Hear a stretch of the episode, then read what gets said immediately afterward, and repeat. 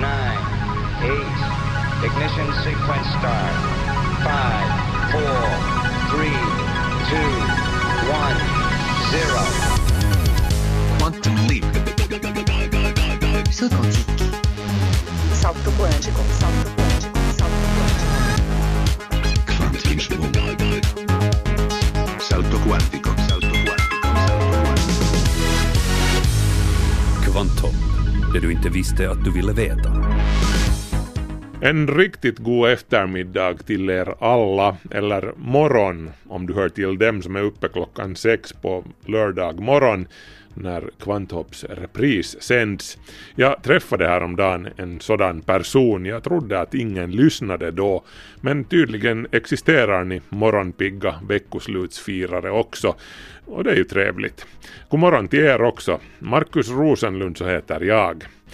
I dagens kvanthopp ska vi bege oss långt bort i rummet men också i tiden. Vi börjar i rummet, eller rymden. De senaste 20 åren har varit de stora upptäckternas tid när det kommer till planeter. Sedan mitten av 90-talet har vi hittat inte mer än 3600 planeter där ute i de omgivande solsystemen. De flesta av dem är så kallade Hot Jupiters, glödheta Jupiterliknande gasjätteplaneter som kretsar så nära sina solar att de garanterat är obeboeliga. Men På senare tid har vi också hittat en hel rad små stenplaneter på rätt avstånd från sin stjärna för att det ska vara lagom varmt där, kunna finnas flytande vatten. De ligger i vad man kallar den beboeliga zonen. De tilldrar sig nu forskarnas intresse samtidigt som planetupptäckterna fortsätter att rassla in. sade Camilla Widebäck från Sveriges Radio som har talat med flera experter på området och ni ska få höra det allra senaste från jakten på beboeliga världar i rymden. Senare i programmet ska jag fundera lite kring det här med troll. Vem av oss har inte vuxit upp med sagor om trollen, Elsa Beskow, ni vet.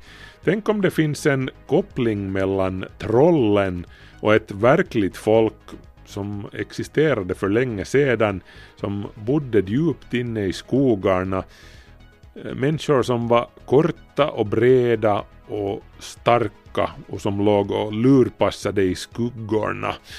Nå, jag talar naturligtvis om neandertalarna. Ni får lyssna själva och säga vad ni tror om min hypotes. Eller den är knappast min egen hypotes, andra har helt säkert tänkt på samma sak före mig. Men hur som helst, neandertalfolket och sagornas troll ska det handla om mot slutet av programmet.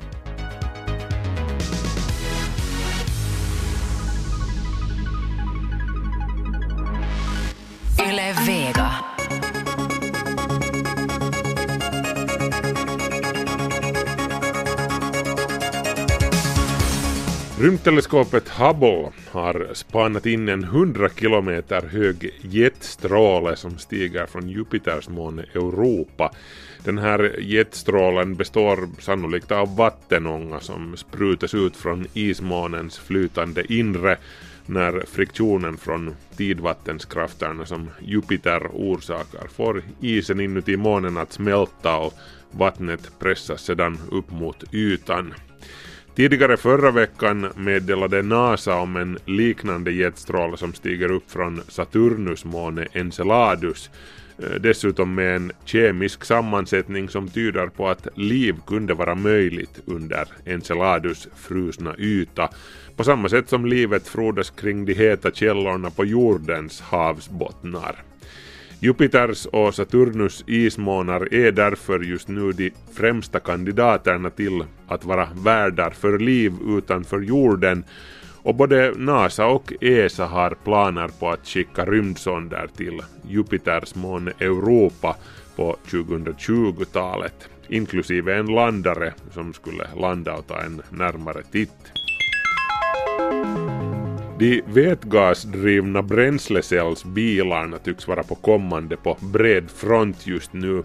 Eh, då snackar vi alltså i princip om elbilar som producerar sin egen elström med hjälp av en så kallad bränslecell där elströmmen skapas genom att väte reagerar med syre så att resultatet blir vatten och energi.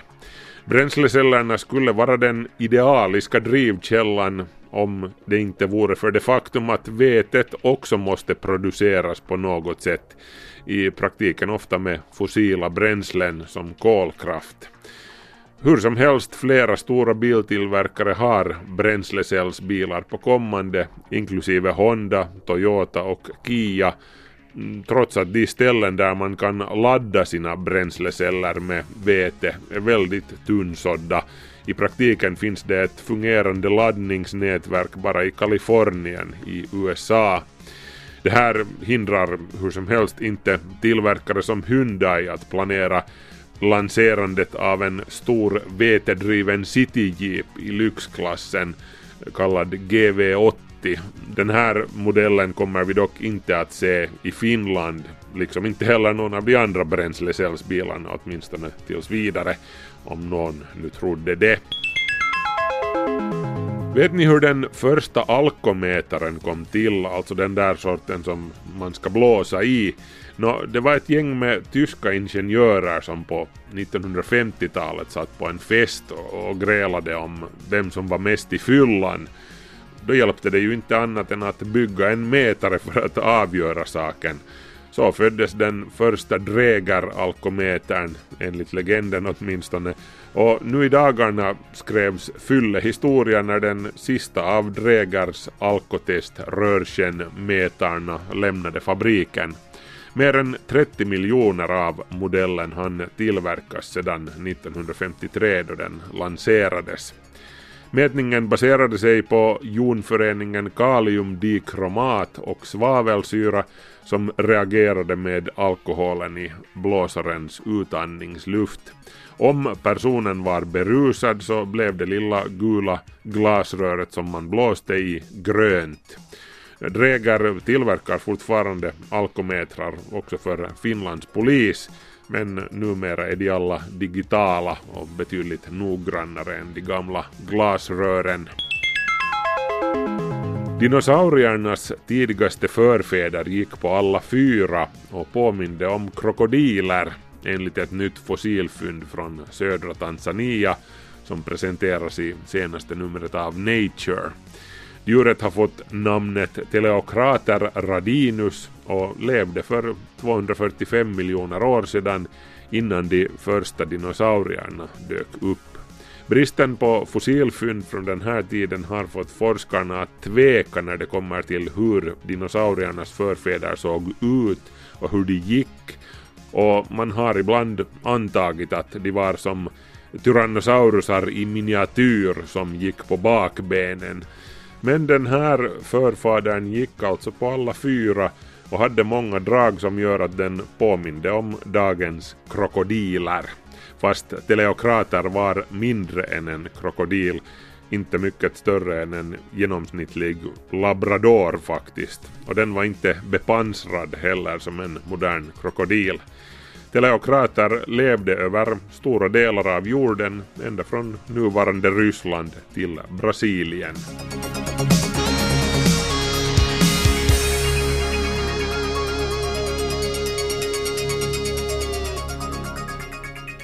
Nu ger vi ordet åt Camilla Widebäck från Sveriges Radio som ska berätta det senaste när det kommer till planeter i andra solsystem, eller exoplaneter som de också kallas. 3600. Så många planeter runt andra stjärnor, så kallade exoplaneter, har vi hittat hittills på ungefär 20 år. Många av dem är jättestora, som Jupiter, och ligger nära sin stjärna. De är ingen vidare att bo på, dessa heta Jupitrar som man kallar dem. Knallheta gasklot. Men de är lätta att hitta. Antagligen är det just därför som de är så många på planetlistorna. På senare tid har vi också hittat en hel rad små stenplaneter på rätt avstånd från sin stjärna för att det ska vara lagom varmt där, kunna finnas flytande vatten. De ligger i vad man kallar den beboeliga zonen. De tilldrar sig nu forskarnas intresse samtidigt som planetupptäckterna fortsätter att rassla in. Så här beskriver Marcus Jansson, exoplanetforskare vid Stockholms universitet, läget just nu. Det kommer mycket i både kvalitet och kvantitet skulle jag säga. Dels så, så får vi väldigt många nya exoplaneter nu. Eh, Gaia-teleskopet till exempel är uppe, det väntar vi oss att vi får liksom tiotusentals planeter ifrån. Och dessutom så eh, börjar vi få spektroskopi från exoplaneter vilket ger oss väldigt högkvalitativ information om individuella exoplaneter också. Det verkar finnas många planeter att undersöka där ute. Vad krävs då för att de ska kunna hysa liv? En stenplanet i den beboeliga zonen är det vi letar efter. Men även om vi hittar många sådana är det inte självklart att det kryllar av liv i rymden för det. Melvin Davis håller på med datorsimuleringar av planeter vid Lunds universitet. Och han påminner gärna om hur mycket det är som ska stämma för att livet ska ha en chans. Och om allt det som gjort att jorden har blivit just det rika klot som det har blivit.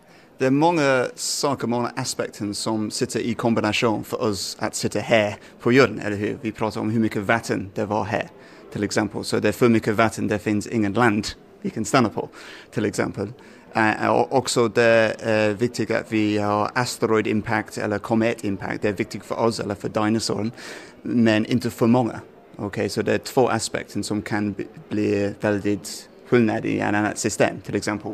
Du, det är viktigt för oss säger du, alltså att, att, det, att det kraschar ner något ja, här det, när dinosa- det, och tog död på dinosaurierna, det var kanske viktigt för att ja, vi skulle precis, komma till. Precis, det, det, det är en stor viktig roll i vår historia kan vi säga här på jorden. Så till exempel vi har Jupiter och Saturnus som sitter i solsystem, men det är viktig roll de båda uh, har med asteroid, så de uh, gravitationseffekt av dem för att asteroiden kommer och to, uh, till jorden. Det... Menar du att Jupiter och Saturnus håller liksom ordning på asteroiderna åt oss? Ja, absolut, absolut. Som de sitter i uh, the, the um, asteroid belt kan man säga. De har uh, resonance interaction, så det betyder att uh, asteroider i exakt plats i asteroid belt har starkare gravitationseffekt från Jupiter och Saturnus, båda faktiskt. Så de blir uh, kometliknande banor som de kommer till jorden. Okay? Så det är viktigt där, där finns Jupiter och Saturnus. Lagom många asteroidkrockar, det har vi Jupiter och Saturnus att tacka för alltså enligt Melvin Davis. Och kanske ytterligare något. Planetmigration diskuteras i rymdforskarvärlden.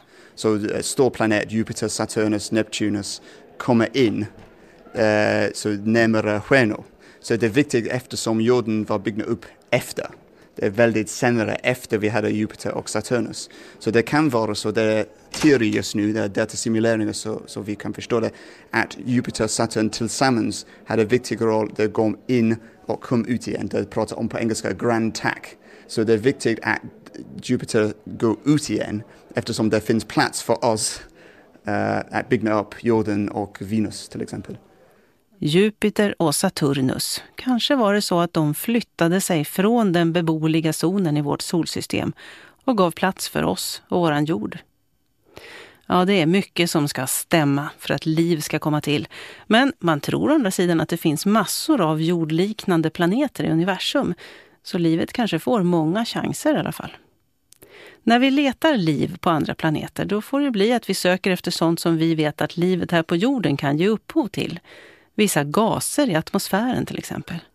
Och hur kollar man det då? På en planet ljusår bort.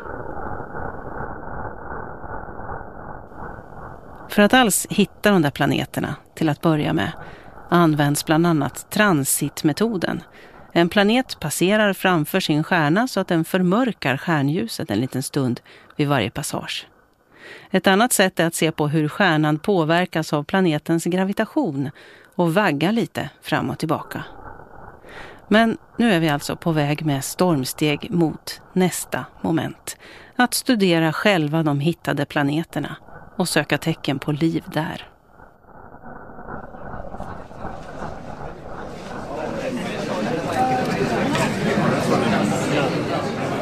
På en konferens nyligen i Lund om astrofysikens stora frågor var det här en av dem som dryftades. Det var där jag träffade både Marcus Jansson vid Stockholms universitet och Melvin Davis vid Lunds universitet och så Nikolaj Piskunov vid Uppsala universitet som vi ska möta strax. Vi drog oss undan i en lugn korridor för att prata om vad det här nya steget innebär. Och när Marcus Jansson ska berätta om vilka tekniker man kommer att använda, ja då börjar han med en som påminner mycket om transitmetoden för att hitta planeter. Det handlar om att titta när planeten är mitt för sin stjärna. Då, när den då blockerar ut stjärnljuset så blockerar den ut lite olika våglängder av stjärnljuset beroende på vad atmosfären eh, består av. Eh, det andra är att man eh, försöker att särskilja ljuset från planeten från ljuset från stjärnan. Det vill säga att man tar en bild av planeten själv.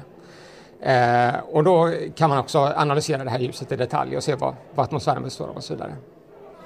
Och vad behöver vi för, för teleskop för det här då? Vad är det på, för någonting på gång som vi kommer kunna göra det här med? Ja, för den första strategin där då med, med transitplaneter eh, så kommer antagligen James Webb-teleskopet eh, att vara till mycket stor hjälp. Det är eh, Hubbles efterföljare som ska upp ganska snart va? Det kan man säga. Det är tänkt att, att skjutas upp eh, nästa år faktiskt. Ett sånt som ska cirkulera kring jorden? Exakt. Och för det, för det andra syftet, att ta bilder av planeter, så skulle jag säga att det mest spännande teleskopet som kommer att komma det är eh, det så kallade ELT-teleskopet. Extremely Large Telescope står det för. Det extremt stora teleskopet, det är så Exakt. härligt namn. det blir extremt stort. Det blir extremt stort. Eh, primärspegeln som man kallar det, den, den största spegeln i teleskopet, kommer att vara 40 meter i diameter. Eller rättare sagt, det kommer inte vara en stor spegel utan det kommer vara en, en sammanfogning, en, en mosaik av, av, flera mindre speglar. Men totalt så kommer de att ha en diameter då på 40 meter. Och hur stort är det då? Vad, vad, ska man jämföra med? Ja, man kan jämföra med det största som vi har idag, vilket är 8 till 10 meter. Så att det är väldigt mycket större. Och när kommer det här extremt stora teleskopet att vara igång? Ja, alltså det kommer väl att vara byggt kan man säga om mindre än 10 år faktiskt. Men sen så kanske vi får vänta lite längre innan de första eh, instrumenten är klara. För man måste ha kameror och så vidare också som är tillräckligt bra för att ta bilder av planeter. Eh, så att det kommer ta några år till. Så att säg en, en ja, 12 år kanske. Så ska vi behöva vänta så här länge på mer data om de här planeterna då? Jag tyckte att du, Nikolaj Piskunov, när du pratade här så då visade du en bild på eh, så att säga en planet i motljus med sin stjärna bakom. Och då sa du, här ser man faktiskt atmosfären och det gjorde man ju. Det där kan man väl läsa ut någonting av redan då, av teleskop som redan finns, eller? Ja, fast det var bild av Venus uh, framför solen, så det är lätt. ja, det var inte så komplicerat kanske. Men, men vad vi kan göra, vi kan använda samma konfiguration, att uh, försöka göra spektroskopi. Uh, även om vi kan inte separera ljus uh, från planet och uh, centralstjärna, vi kan göra relativmätningar. Vi kan jämföra spektrum av stjärna före transit och uh, under transit och uh, skillnaden. Uh, vi, vi, vi kan försöka studera för att få fram transmission spektrum av planetens atmosfär. Alltså redan nu menar du, med teleskop som redan finns? Är, är det sånt som görs? Nästa år. Nästa år? med vad då? Eh, med den instrument som vi bygger just nu i Uppsala och eh, med eh, våra partners i Tyskland som heter Kryres som är Cryogenic infraröd spektrometer. Den ska till 8 meters VLT-teleskop i Chile nästa år. En spektrometer alltså, som analyserar ljuset från inte jättemånga planetsystem. Men några kommer man att kunna titta på i alla fall med hjälp av det mycket stora teleskopet VLT. Föregångare till det extremt stora teleskop ELT som Marcus Jansson pratade om förut. Och Nikolaj Piskunovs spektrometer den inriktar sig på infrarött ljus. Infrarödområdet är viktigt på grund av uh, alla viktiga uh, molekyler i jordens atmosfär har deras absorptionlinjer, uh, eh, som vatten, uh, kvävemolekyler, eh, ozon, metan och sådana molekyler. De har deras stora absorptionslinjer i infraröd. Och så en spektrometer det är alltså, eh, det, den analyserar vad det är för, för våglängder på ljuset som kommer ut. Och av det kan man då dra slutsatser om vad som finns för ämnen där borta.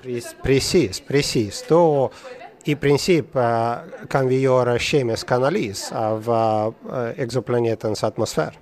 Och faktiskt, för att börja, vi kan detektera om det finns atmosfär eller inte. Men blir det här som, som kommer igång nästa år då, blir det, blir det första gången som man kan se sådana saker på exoplaneter?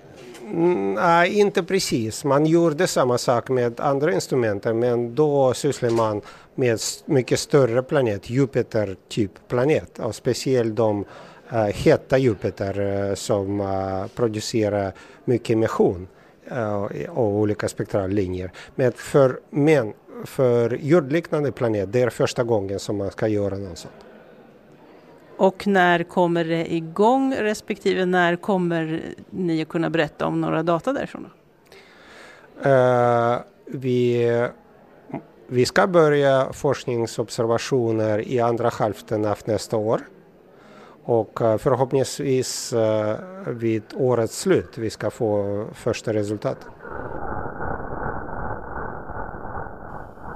Du lyssnar till Vetandets värld i Sveriges Radio P1.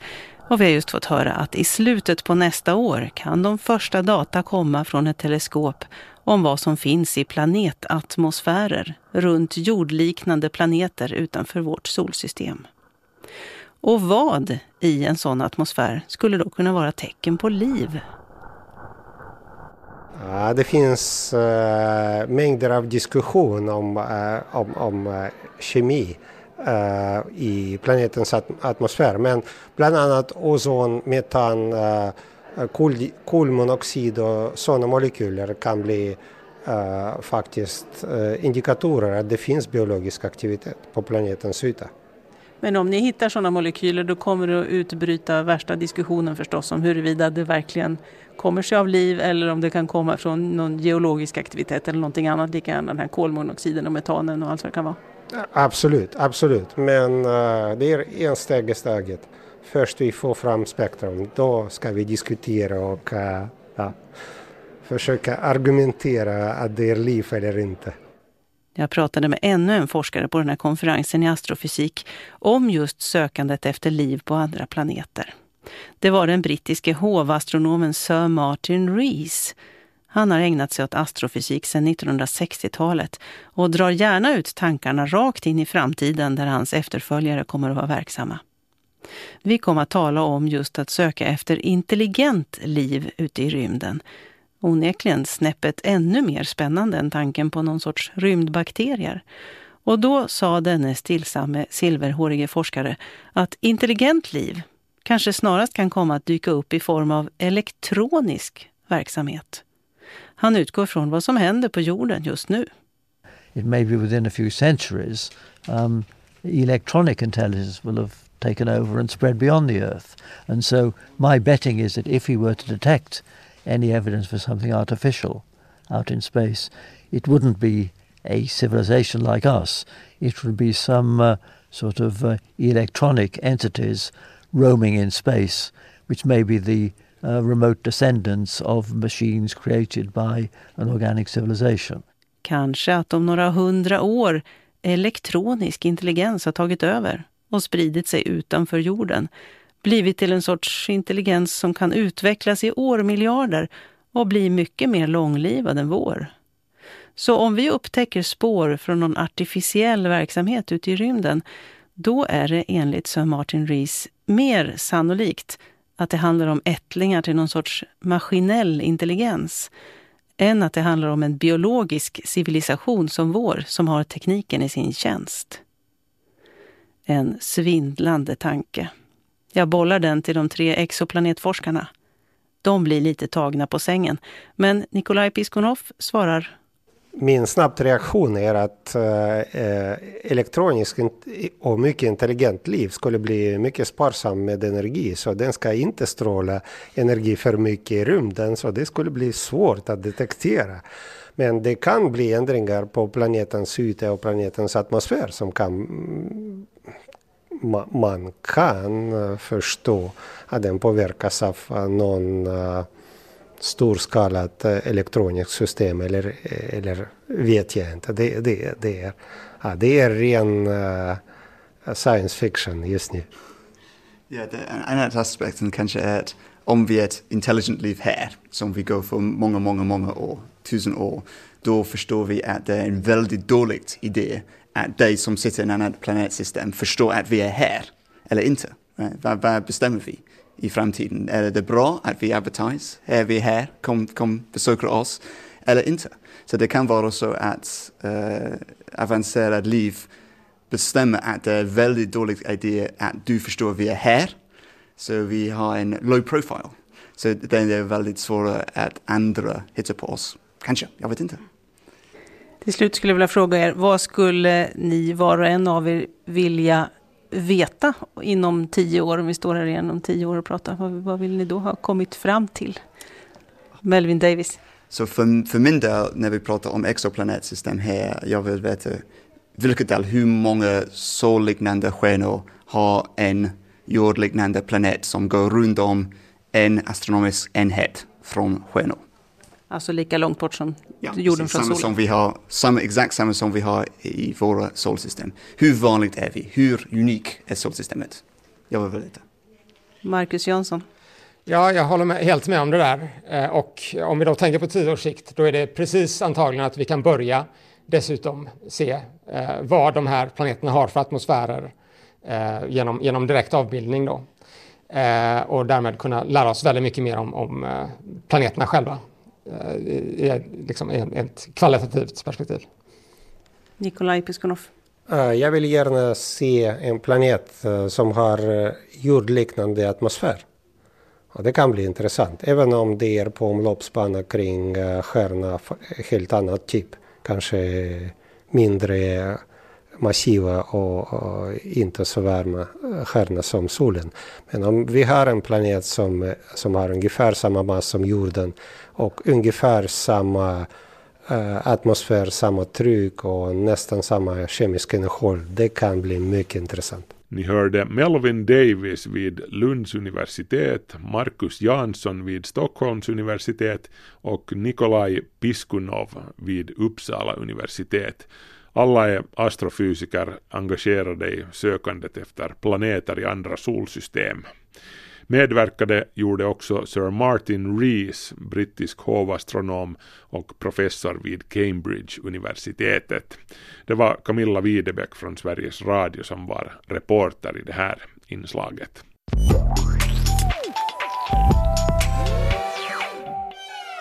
Yle.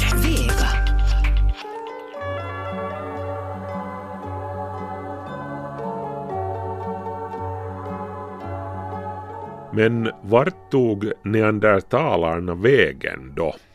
Varför försvann de? Den frågan fick professor Svante Pääbo, en av världens främsta auktoriteter på neandertalmänniskan, svara på i ett avsnitt av SVTs Sommarpratarna från i fjol. Ja, och det är ju dags för Sommarpratarna igen, snart alltså. Både här i Yle Vega och i Sveriges Radio. Och jag har suttit hemma och tittat igenom några gamla avsnitt av TV-versionen av Sommarpratarna som SVT sände som jag har på min inspelande digibox. Och där undrade alltså Svante Pääbo vart neandertalarna tog vägen.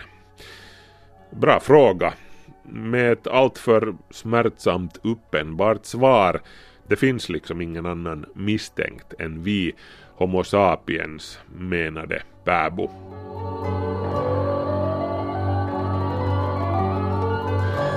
Neandertalarna var inte de enda människorna på den tiden. Det fanns andra kusinarter till oss, bland annat Denisova-människan som levde i Asien och Homo floresiensis, hobbitarna, i Indonesien. Det råder lite olika åsikter om vem som hörde vart och vilka som på riktigt var sin egen art och så finns det också rätt så säkert ännu oupptäckta vissnade grenar på släktträdet. Det enda som vi kan säga med säkerhet är att det fanns andra som fortfarande levde då den moderna människan kom och tog över planeten så att säga och att neandertalmänniskan var en av dem. Och, menade Svante Pääbo, det ser inte bättre ut än att vi utrotade dem, våra kära kusiner, även om vi skaffade barn med dem först, liksom vi antagligen hade livet av de andra också. Åtminstone var vi sannolikt en viktig bidragande faktor till att de andra strök åt förgängelsen.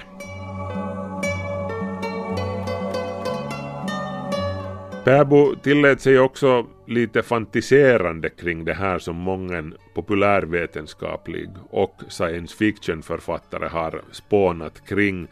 Tanken på en situation där neandertalarna hade fått leva vidare, alltså om de hade fortsatt existera in i vår tid istället för att försvinna från kartan. Den sista kända tillflyktsorten var grottor i nuvarande Gibraltar för cirka 30 000 år sedan. Hur skulle vi behandla dem idag om de fortfarande levde mitt bland oss? Hur skulle vi förhålla oss till dem? Professor Pääbo menade att vi åtminstone skulle ha tvingats tänka i lite vidare banor på det här med mänskligt versus allt annat levande om neandertalarna hade samexisterat med oss. Den strikta dikotomin med människor å ena sidan och allt annat å andra sidan, den kanske inte skulle existera då. Vi mot dem skulle vara mera komplicerat. Neandertalarna skulle ha lärt oss ett och annat om tolerans eller så inte, konstaterade Pääbo nästan i samma andetag. Vi skulle kanske vara om möjligt ännu mer chockerande rasistiska mot dem om de fanns här mitt bland oss än idag. Än vi är mot våra med Homo sapiens som har en hudfärg eller sexualitet som avviker från vår. Ja, nå, vem vet, vi kan ju bara spekulera. Och om blodspåret från neandertalfolkets grotta leder till våra förfäder så är det för sent att ångra sig nu.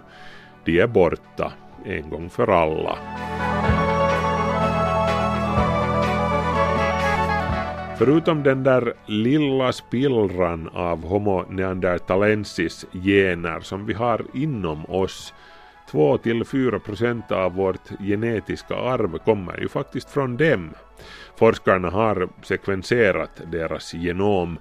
Vi vet till exempel att neandertalmänniskorna var överväldigande rödhåriga. Hur som helst, man kan hävda att neandertalarna lever vidare i oss, åtminstone oss icke-afrikaner.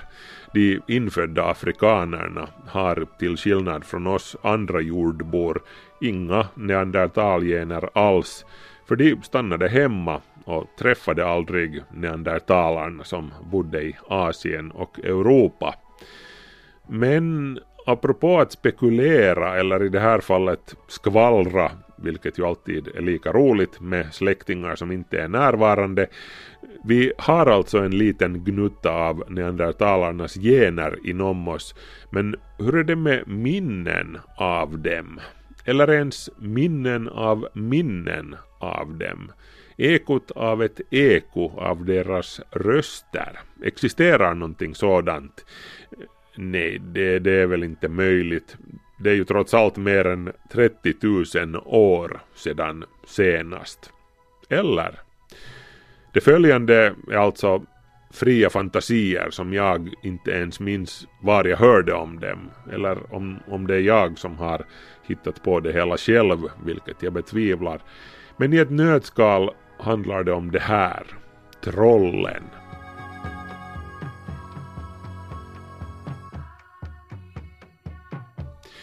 Då jag var liten brukade min mormor läsa godnattsagor åt mig vid läggdags då jag övernattade hos mormor och morfar. Till mina favoritsagor hörde Elsa Beskows böcker om trollen. Och vi vet ju alla hur trollen brukar beskrivas på många sätt och vis som vi män, kortare, tjockare, väldigt starka, ofta farliga för den som irrade sig för långt in i skogen inte värst kvicktänkta men nog så kloka på många sätt och vis. Och de bodde ju djupt inne i skogen, precis som neandertalmänniskorna. Neandertalmänniskan var vad min morfar skulle ha kallat en brottartyp. En sån här bred, kraftigt byggd, muskulös, oerhört stark typ. Det berodde på att hans favoritmetod när det kom till att jaga var att gömma sig bakom ett träd och vänta på att en hjort eller ett vildsvin kom gående förbi och sedan hoppade han fram och brottade ner djuret till marken. Vilket får en att tänka på hur vi egentligen någonsin rådde på neandertalmänniskorna till den grad att vi utrotade dem. För de var faktiskt riktigt respektingivande. En sådan bodyguard skulle jag vilja ha om jag var kändis nog för sådant. Till den grad skräckinjagande var de, hävdar jag, att våra förfäder vid sina lägereldar med tiden började berätta storyn om dem.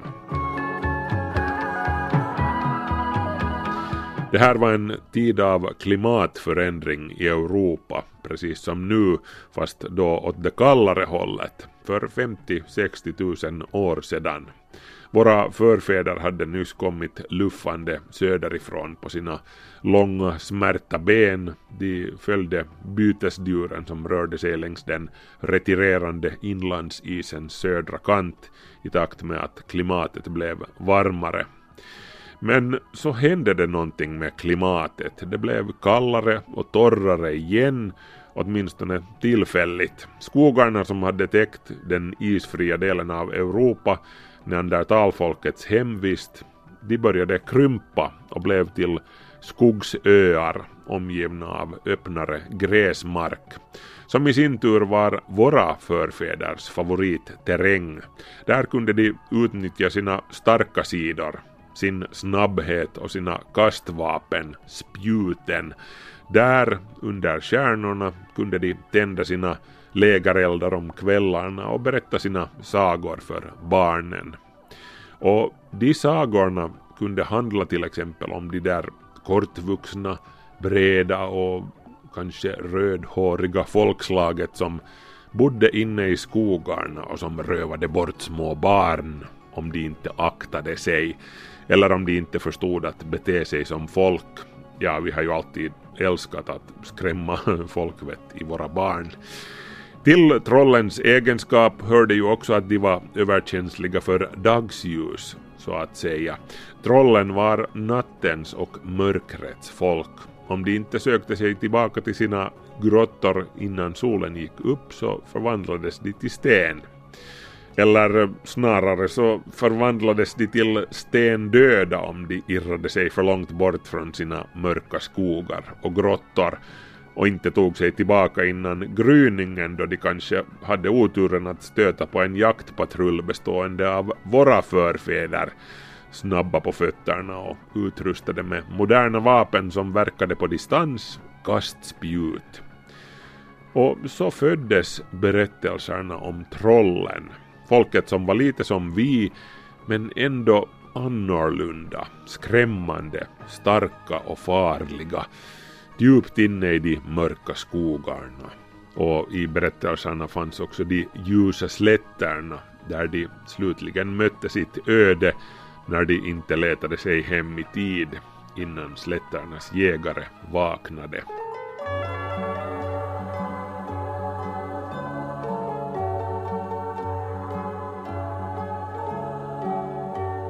Berättelserna tog form Sagor som berättades långt efter att de verkliga varelserna var borta. Storyn som fördes vidare från generation till generation, från lägereld till lägereld. Berättelserna överlevde längst här uppe i norr där vinterkvällarna var långa och mörka och den muntliga traditionen var stark. Berättelserna om trollen kommer ju faktiskt från den fornnordiska mytologin. Med andra ord, den tiotals tusen år gamla legenden om neandertalmänniskan bevarades för eftervärlden av de gamla vikingarna i form av sagor om troll. Nåjo, jag medger det är ju fria fantasier det här. Det är ingenting som varken jag eller någon annan kan bevisa. Svante Pääbo skulle antagligen skratta åt det här också. Eh, jag tog förresten upp det här med en annan framstående auktoritet på neandertalfolket, professor Clive Finlayson från Gibraltarmuseet, då jag intervjuade honom för ett antal år sedan. Han menade att neandertalarna som förebilder för våra sagors troll åtminstone är en fascinerande tanke omöjlig att vare sig bekräfta eller motbevisa men en bra story hur som helst. Personligen trodde han ändå inte att det gick till så här när sagorna om trollen kom till. Men vad vet jag, sade Finlayson. Ja, vad vet jag heller för den delen. Men som sagt, en bra story tycker jag. Jag tror att jag ska göra upp en lägereld ute på holmen i skärgården något tag sen när det kantrar mot höst. Och sen ska jag berätta den här storyn för ungarna medan vi grillar lite korv. På något sätt borde jag väl också förklara för dem att verkligheten bakom sagorna döljer ett av de första, hur ska vi säga, folkmorden kanske, eller ja, no, det heter väl etnisk rensning numera, men det får vi väl ta sen när de blir lite äldre, kanske. Liksom det där med att vi inte bara dödade dem eller förvandlade dem till sten. Vi hade barn med dem också. Det måste jag ju också ta upp förr eller senare med, med mina barn. Att vi alla är inom citat trollens ättlingar lite grann. Speciellt min yngre son kan vara intresserad av det här. Han råkar nämligen vara en aning rödhårig. Och nu när jag tänker på saken, han, han tycker ju om att lurpassa bakom en gran och hoppa fram och, och brotta ner förbipasserande hjortar. Nåja, nej, det där hittade jag på. Men allt annat som jag har berättat är sant, jag lovar.